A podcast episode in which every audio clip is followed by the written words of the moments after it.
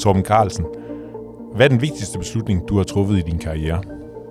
Den beslutning, der har haft de mest vidtrækkende konsekvenser, øh, var nok, da jeg besluttede at søge et job hos SAS Service Partner i 1992, hvor jeg endte med at blive Assistant Treasury øh, i en lille afdeling med to personer, hvor Niels Smedegaard var, øh, var chefen.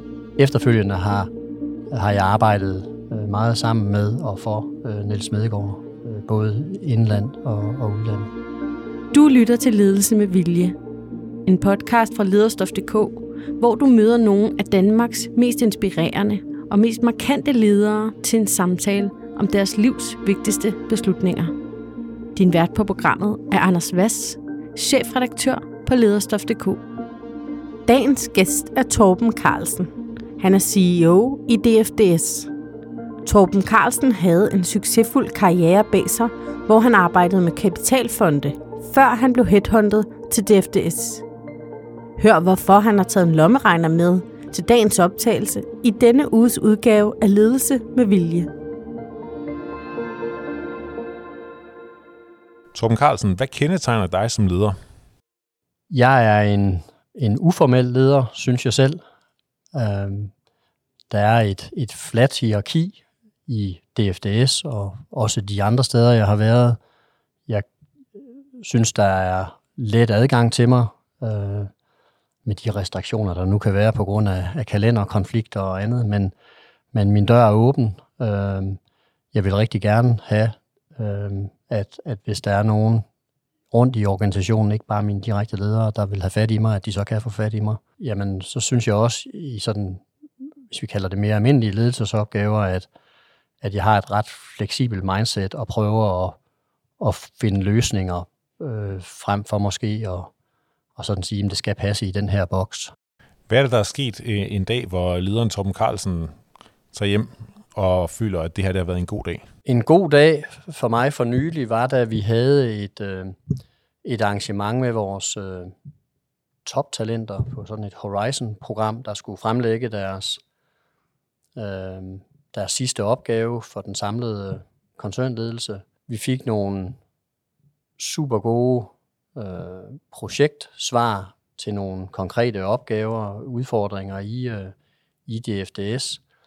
Øh, og efterfølgende skulle jeg holde en lille øh, tale til, til øh, ceremonien, og øh, følte, at øh, kombinationen af den interaktion, der havde været i, i, under præsentationerne, og, og det, jeg fik sagt, øh, at der var et, et, en god øh, connection til den her gruppe af, af jo vores næste generation af, af ledere, så går man øh, hjem med mere energi, end man, øh, man kom med. Du er kendt som en øh, topchef, der er god til at tjene penge, og har også været det tidligere i din karriere til virksomheden.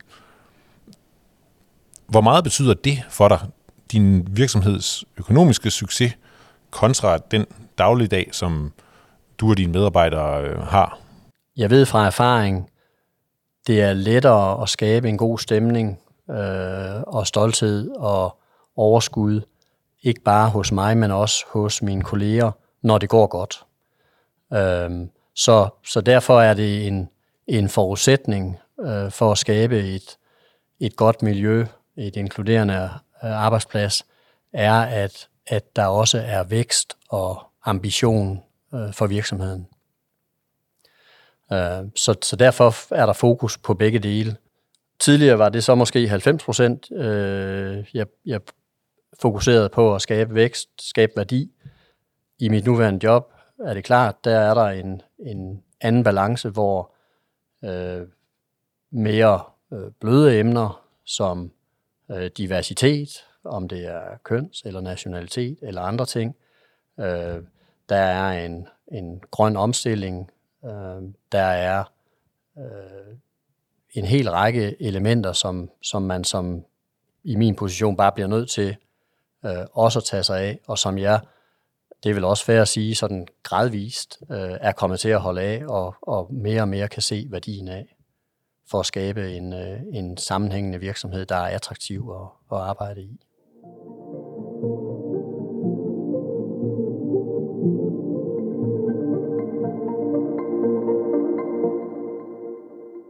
Torben Carlsen, når man ser på dig, og når man ser på dit CV, så har man indtrykket af, at her er en, sådan en dygtig øh, forretningsmand, der har haft et øh, fokus på at nå øh, langt og øh, være succesrig hele vejen igennem.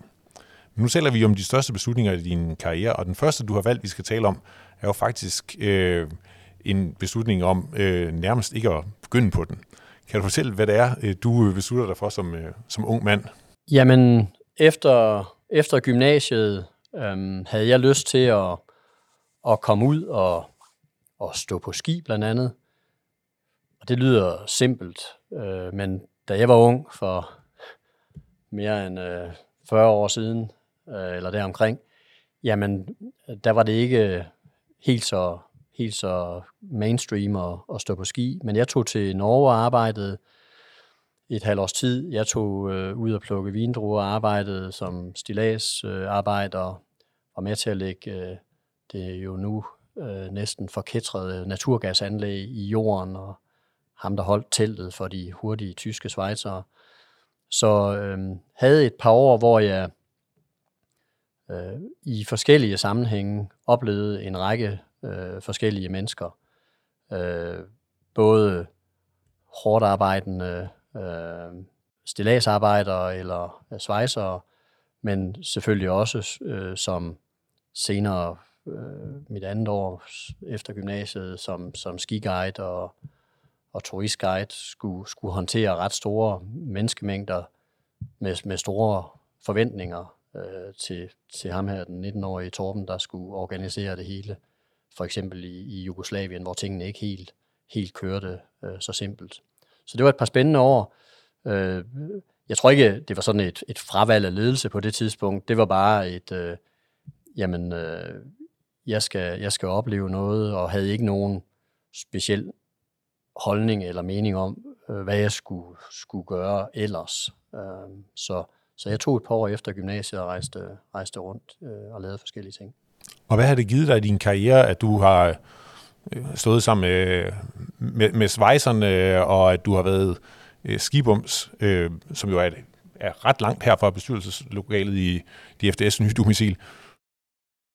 Ja, jeg synes jo ikke, jeg var en skibums. Jeg synes jo, at jeg var en øh, skiguide og skiinstruktør, men jeg forstår, jeg forstår dit, dit billede. Det, som jeg oplevede allerede i, i mine første jobs, øh, var min egen selvopfattelse i hvert fald, at jeg kunne begå mig i, i både når jeg kom ind i, i, øh, i bestyrelseslokalet, når jeg en sjældent gang gjorde det, men kunne også tale med, med alle i virksomheden, øh, i SAS servicepartnere, øh, når jeg blev sendt ud i træning på i, i et flykøkken, jamen øh, så var det ikke noget problem for mig at falde ind i den, øh, i den gruppe, fordi det havde jeg prøvet i, i andre sammenhænge. Og jeg tror, at det i, gennem hele min karriere har været en, en fordel for mig, at jeg ikke kommer fra et, et elfenbens øh, tårn, men har, har været i alle samfundslag øh, i forskellige sammenhænge, og dermed bilder jeg mig selv ind, øh, også fremstår øh, tilgængelig, øh, også i dag, når jeg er på, på havnen i Rotterdam og skal, skal tale om, hvad DFDS er, og hvor vi er på vej hen, og hvordan øh, havnearbejderne i Rotterdam kan hjælpe os på, på rejsen. Hvilken forretningsværdi har det for dig som CEO at have den forståelse for, hvad der sker nede på gulvet hos nogen, der har et helt andet type arbejde, end du selv har? Jeg tror i hvert fald, jeg er i stand til at, at, at tale og diskutere øh, med, øh, med de kolleger også, og, øh, og, og nyder, når jeg er ude i, i, i de forskellige enheder, vi har, og, og holder sådan town halls, kalder vi det, hvor, hvor jeg taler til alle medarbejderne der, og, og meget prøver at få det til at blive en dialog. Så nyder jeg at høre, hvordan, hvordan så opfattelsen er af, af, af DFDS. Og der må man jo sige, at, at der er lidt mindre filter nogle gange, øh, hvis man står over for, for, for nogle af vores øh, lager eller, eller havne, havnearbejdere eller chauffører, end, end, end der måske er, når, når jeg taler med vores, øh, vores office-kolleger. Øh, og derfor øh, kan man få meget god, øh, god information.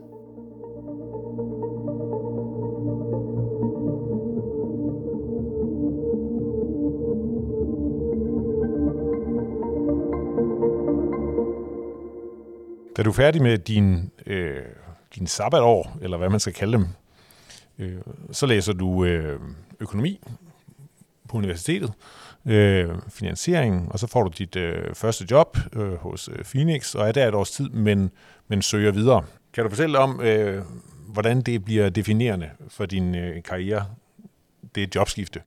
Jamen efter øh, knap, øh, knap et år hos, øh, hos Phoenix, øh, som var en glimrende arbejdsplads, men hvor ham, der havde ansat mig, allerede var øh, blevet fyret, før jeg startede, og, og, og jeg manglede lidt en, en mentor øh, i, i mit specifikke øh, felt, øh, var der et, et, øh, et, en jobmulighed i, i København. Jeg havde læst i, i Aarhus, og, øh, og, og jeg blev så ansat øh, som jeg tror, det hed så flot som Assistant Treasury hos øh, Niels Smedegaard. Jeg var hans første ansatte, så han havde lavet en, en kæmpe assessment øh, for, for at finde, øh, hvad han mente var den rigtige. Men jeg tror, det der i den sidste ende gjorde udslaget, var, at jeg, jeg drak te ligesom ham, og ikke kaffe.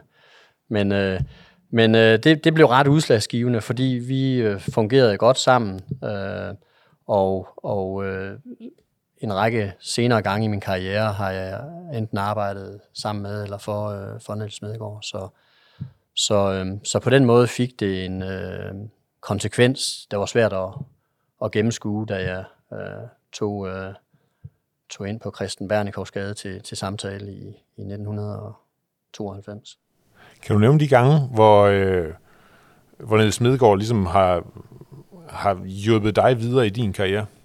Efter et, øh, et års tid blev SAS servicepartner solgt til Swissair, og, øh, og øh, en lille gruppe blev, blev bedt om at flytte med til Schweiz, øh, øh, hvor, hvor både Niels og jeg flyttede ned i det nyetablerede svejsiske Gate Gourmet. Øh, senere øh, tog jeg øh, hjem igen fra Schweiz øh, øh på et tidspunkt, øh, og så øh, opstod der en, en, øh, en jobmulighed i, øh, i USA, igen i Gate Gourmet-gruppen, øh, hvor, hvor øh, Niels i hvert fald var en af initiativtagerne til, at jeg blev, blev spurgt, om jeg ville øh, tage til USA.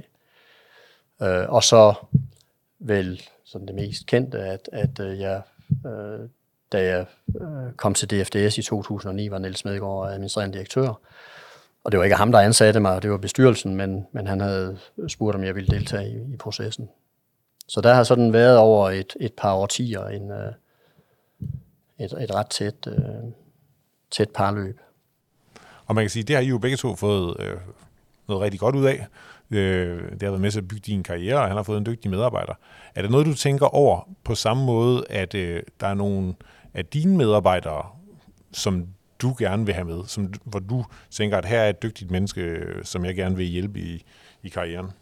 Et af de råd, jeg, jeg giver til, til øh, mine kolleger, når jeg bliver bedt om at, at tale på vores øh, lederseminarer, jamen det er at, at sætte pris på de øh, mentorer, I løber ind i. Det kan være, at det er en kollega, det kan også være, at det er et familiemedlem, øh, en studenter, øh, ven, hvad det nu kan være, øh, fordi de vil det typisk øh, godt for jer. Øh, lyt til dem, brug det, øh, når I kan.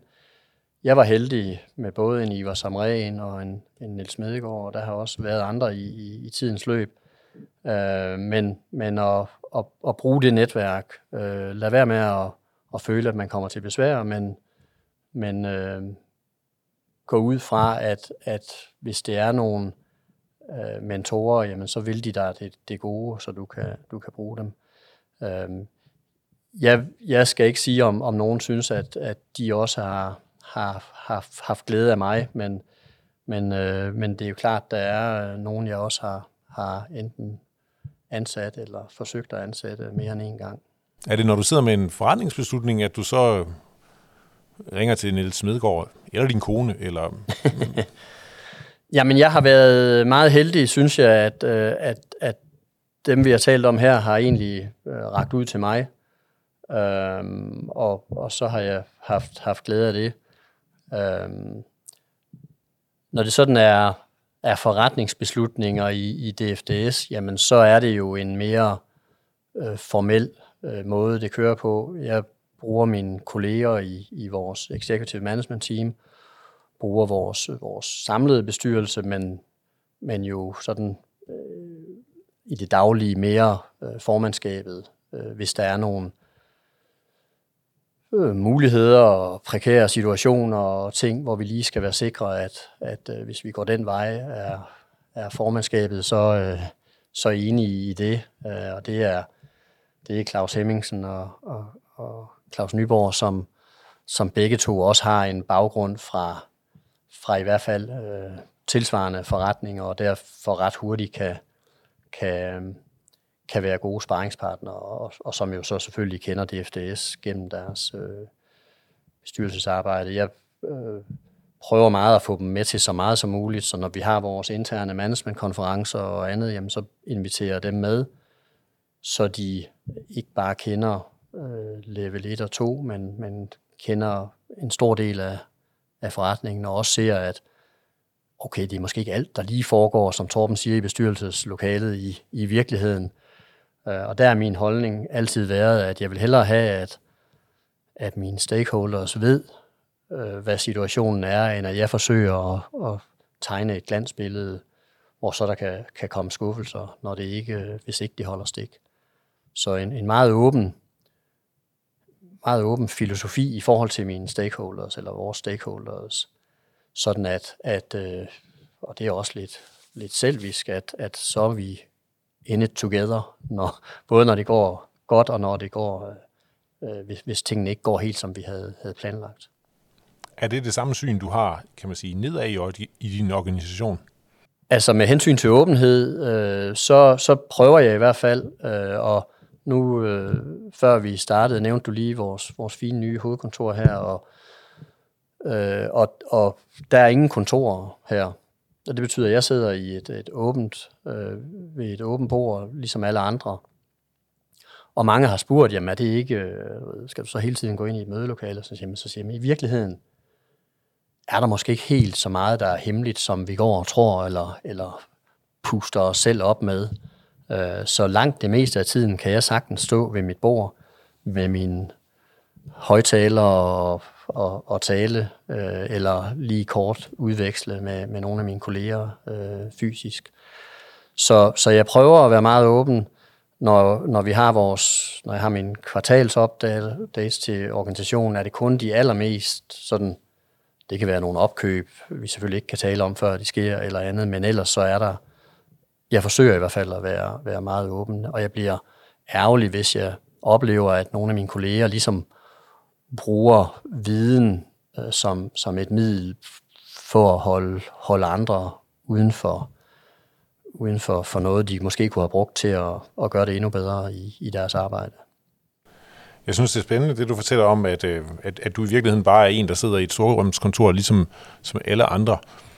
Fordi der er jo også noget indbygget øh, magt i sådan den, det klassiske øh, direktørlokale, hvor, hvor du sidder bag et et kæmpestort bord, måske ikke helt så stort som det her bestyrelsesbord, men alligevel på en stol, der er lige lidt højere end, øh, end dem, du sidder overfor. Øh, savner du aldrig, kan man sige, nogle af de ting, som kan være med til at bygge dig op? Så jeg har fået lov til at have det samme skrivebord hver dag, så øh, hvor, hvor man egentlig skal øh, rotere lidt rundt, så, så det giver mig lidt, lidt tryghed.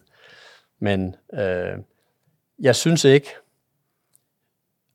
det vil være skidt, hvis man som administrerende direktør øh, synes, man har yderligere har brug for, for afstivere, fordi jeg er jo ekstremt privilegeret, at, at jeg skal jo næsten passe på med at sige, hvad jeg mener, fordi før jeg har tænkt over, hvad konsekvenserne er af det, øh, hvor man, hvis man er lidt længere nede i organisationen, jo har betydeligt mere brug for at kunne argumentere for sine, sine ting, for at få dem igennem.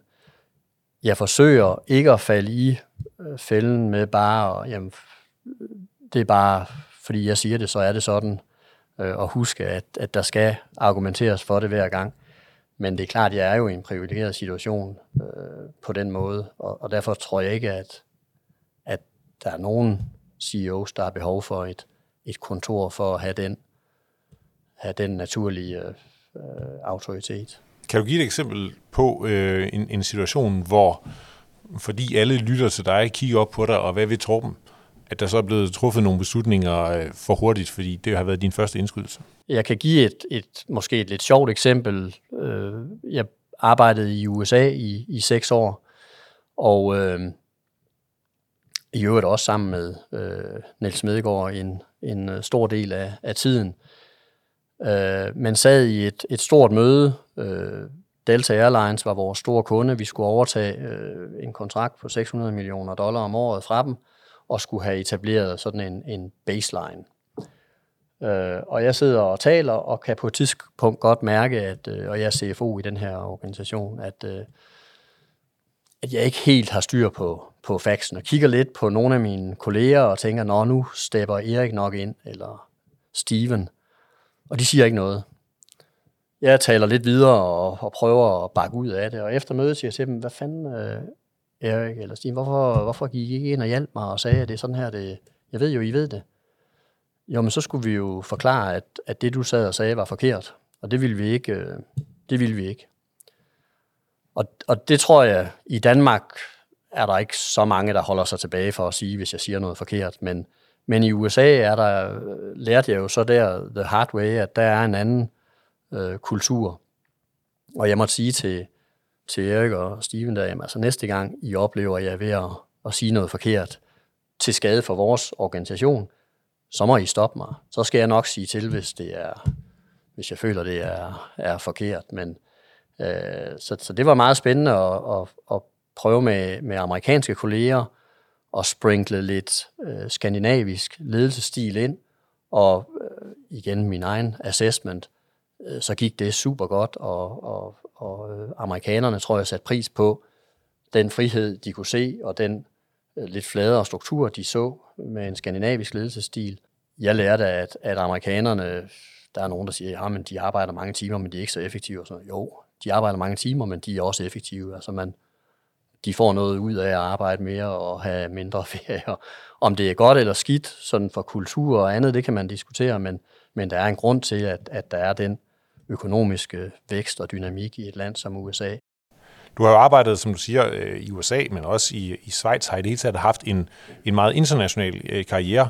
Øh, DFDS er jo også et, et firma, som godt nok hører til her i, i København, men, men en aktivitet over hele Europa. Hvad kan vi danskere lære om ledelse af dem, du har mødt ude i verden? Jeg tror, det vigtigste, hvis jeg har, har gjort sådan et bevidst valg, så var det at, at tage til Schweiz i sin tid øh, det har jeg haft utrolig glæde af, øh, at springe ud i det uden rigtigt at vide, hvad man rammer. Øh, og det er noget, jeg forsøger også at sige til vores unge øh, og ældre talenter, når vi har jobmuligheder øh, rundt omkring i Europa. Det kan da godt være, at det ikke er det mest sexy at komme til en havn i England, eller en, en, øh, en mindre logistiklokation i, øh, i Frankrig, eller øh, Tyskland, eller hvor når det nu er. Men det, man kan lære ved at arbejde i en anden kultur med nogle andre øh, kolleger, end man er vant til, måske endda øh, have sin familie der også, øh, eller om man er single eller har sin familie. Man lærer en række ting, man kan bruge, når man øh, så kommer et nyt sted. Og faldhøjden, set fra min synspunkt, er ikke så høj, fordi du kommer fra Danmark, du kan altid tage tilbage til Danmark. Jeg savner jeg nogle gange lidt, øh, lidt eventyr, øh, gen og, og vilje fra nogle af, af, af vores yngre, øh, rigtig, rigtig dygtige mennesker til, til at sige, jamen det, vi er vokset op i, i Nordsjælland og har alle vores venner inden for en halv times afgang eller af, afstand og sådan noget. Der, der, er, øh, der er det en anden virkelighed. Amerikanere er udsat for, alle deres venner er alligevel 3.000 miles væk. Men det er for mig en, en vigtig del af, hvis man, hvis man gerne vil, vil opleve noget og have mulighed for at få, få større ansvar over tid, øh, og springe ud i det og prøve noget, noget helt anderledes.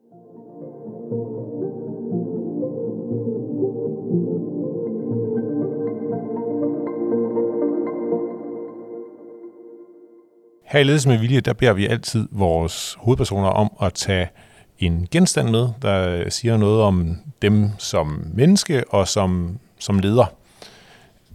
Du har taget en lommeregner med. Kan du prøve at beskrive den og fortælle, øh, hvorfor øh, Torben Carlsen er en lommeregner? Jeg vil sikkert blive buet af i min organisation for at, at sige, at det er en lommeregner, og med min transition fra CFO til CEO, øh, er det klart, har lommeregneren også en mindre rolle, end den har haft.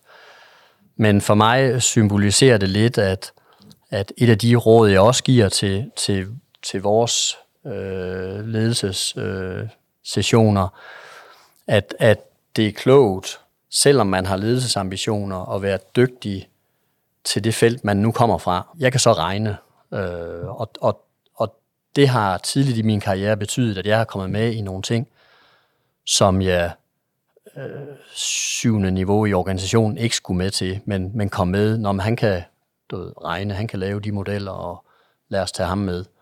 Øh, og, og det har også givet mig en tryghed omkring, i de her forskellige øh, jobskifte og ting, jamen, må ikke jeg finder et sted, hvor de har brug for en, der kan regne. Du er ikke mindst kendt som bagmand bag en masse vellykkede virksomhedsopkøb.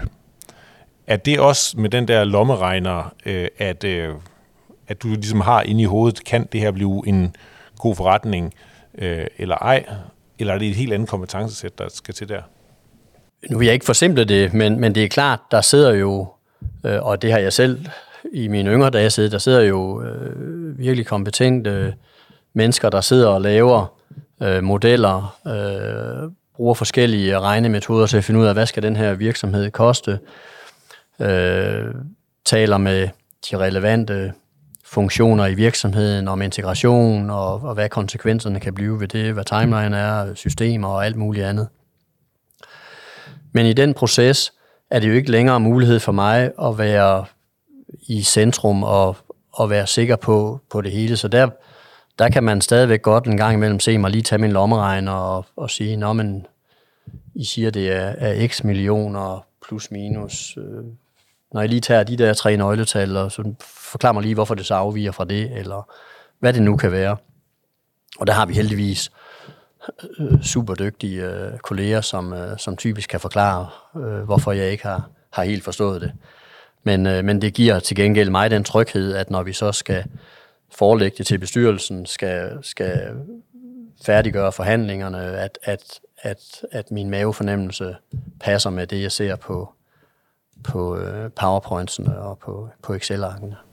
Oplever du, at du har medarbejdere, der gør sig lige lidt mere grundig, fordi du sidder med lommeregneren, og, øh, og de ved, at, øh, at de kan blive afsløret, hvis der ikke er helt 100% styr på det?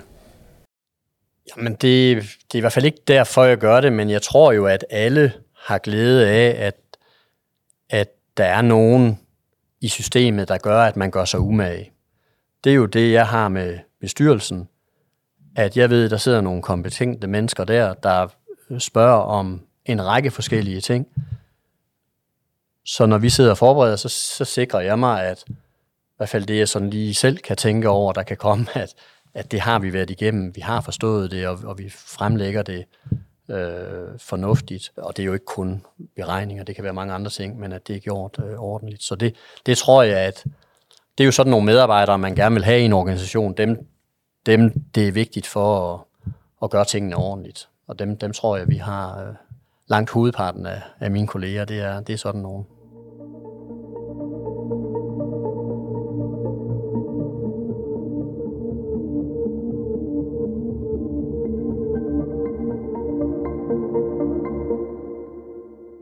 Tom Carlsen, vi taler om de helt store beslutninger i din karriere, og øh, en rigtig stor beslutning, som også er årsagen til, at vi sidder her, det er, at du sagde ja til at blive i første omgang CFO i øh, DFDS.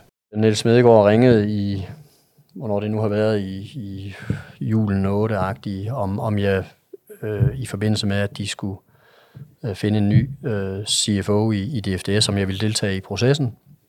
Så efter lidt betænkningstid sagde, øh, sagde jeg ja tak til det. Og, øh, og det må jeg bare sige, det har været en langt bedre beslutning, end jeg egentlig øh, med mine øh, små krydser og boller på, på et lille ark papir sad og vurderede, om, om jeg skulle. Men, men det har været en fantastisk oplevelse. Du starter som, som CFO, du kommer ind, og du kan alt det der med, med lommeregneren. Øh, og så øh, forlader Niels Smedegaard skibet, eller hvad vi skal kalde DFDS i, i og så bliver du CEO. Hvad er den største forskel? At være, gå fra at være økonomidirektør til at være chefen for det hele? Jamen, hvis du havde spurgt mig, mens jeg var CFO, øh, ville jeg måske lidt, lidt cocky have sagt, jamen det er næsten det samme. Jeg er med til at bestemme. Og... Men det kunne jeg jo godt se, da, da Niels øh, gik ud af døren, at, at, at der var en forskel. Øh, det er lidt lettere at komme med, med gode råd øh, til en Nils, der så må tage øh, konsekvenserne af, af at implementere det, end, end selv at skulle øh, sige, at det her det er jo simpelt, det er sådan her, vi skal gøre, ikke? Og så lige, puh, der er bare lige fire andre vinkler, der også skal tages ind, og hvordan, hvordan øh, gør man så øh, i, øh, i virkeligheden. Men, men der har selvfølgelig været nogle gange, hvor man har, har følt sig måske en lille smule alene på broen. Det har ændret sig nu. Øh, dels så har jeg jo så vendet mig lidt til det, og der har været meget stormvejr, og vi har fået etableret en, øh, synes jeg, en, en rigtig stærk øh, ledelsesgruppe, hvor vi har en god åben dialog og kan, kan støtte hinanden med, med forskellige, øh, på forskellige områder. Der er flere af de topchefer, vi taler med her i Ledelse med Vilje, der, der taler om den samme ensomhed. Er der også en frygt i det, for at komme til at træffe de forkerte beslutninger, når man står, sidder med ansvaret alene? Jamen, nogen vil måske synes, at jeg nogle gange er lidt langsom til at træffe beslutninger.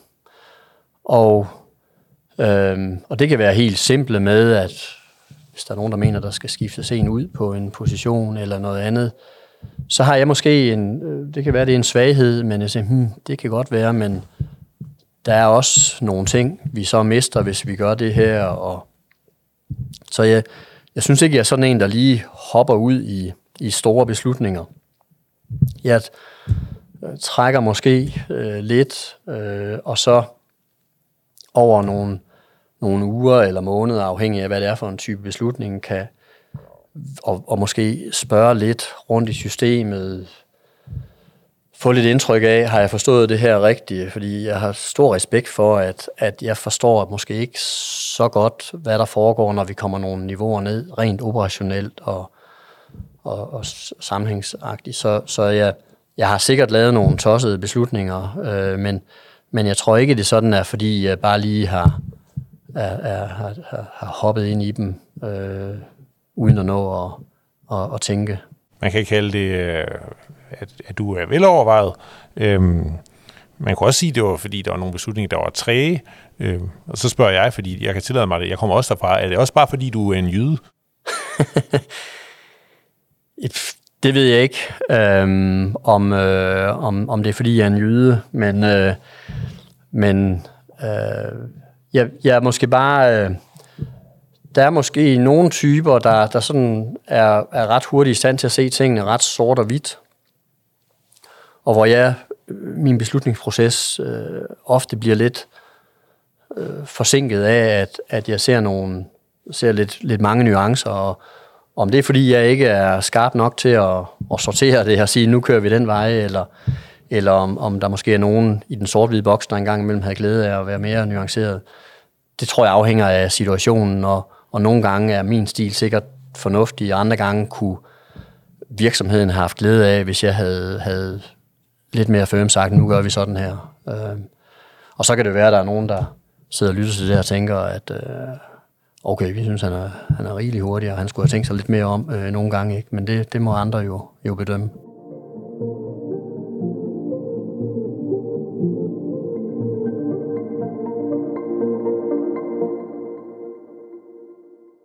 Vi slutter altid ledelsen med vilje af med at spørge, hvilke beslutninger står du foran? Så Torben Carlsen, hvad er den næste vigtige beslutning, du skal træffe? DFDS udleder noget, der svarer til 3% af Danmarks samlede øh, greenhouse gases. De indgår ikke i Danmarks regnskab, fordi vi jo sejler rundt i, i hele Europa og, og Mellemøsten. Men det betyder, at, at vi som virksomhed har et, et stort ansvar. som vi internt siger, der er ikke nogen planet B. Øh, så vi, øh, vores beslutninger, øh, hvert fald dem, der er sådan lidt anderledes end det, vi har skulle gøre, det har været omkring, hvordan sikrer vi, at vi lever op til, til en grøn transition, så vi kan leve op til de halvanden grader fra Paris-aftalen. Så vi bruger øh, øh, rigtig meget energi på at finde ud af, hvordan kan vi få den rigtige teknologi, øh, som kan brænde grønne brændstoffer, hvordan kan vi få fat i grønne brændstoffer, hvordan kan vi få vores kunder med på, på rejsen, og der er selvfølgelig nogle kunder, der rigtig gerne vil, vil med på rejsen.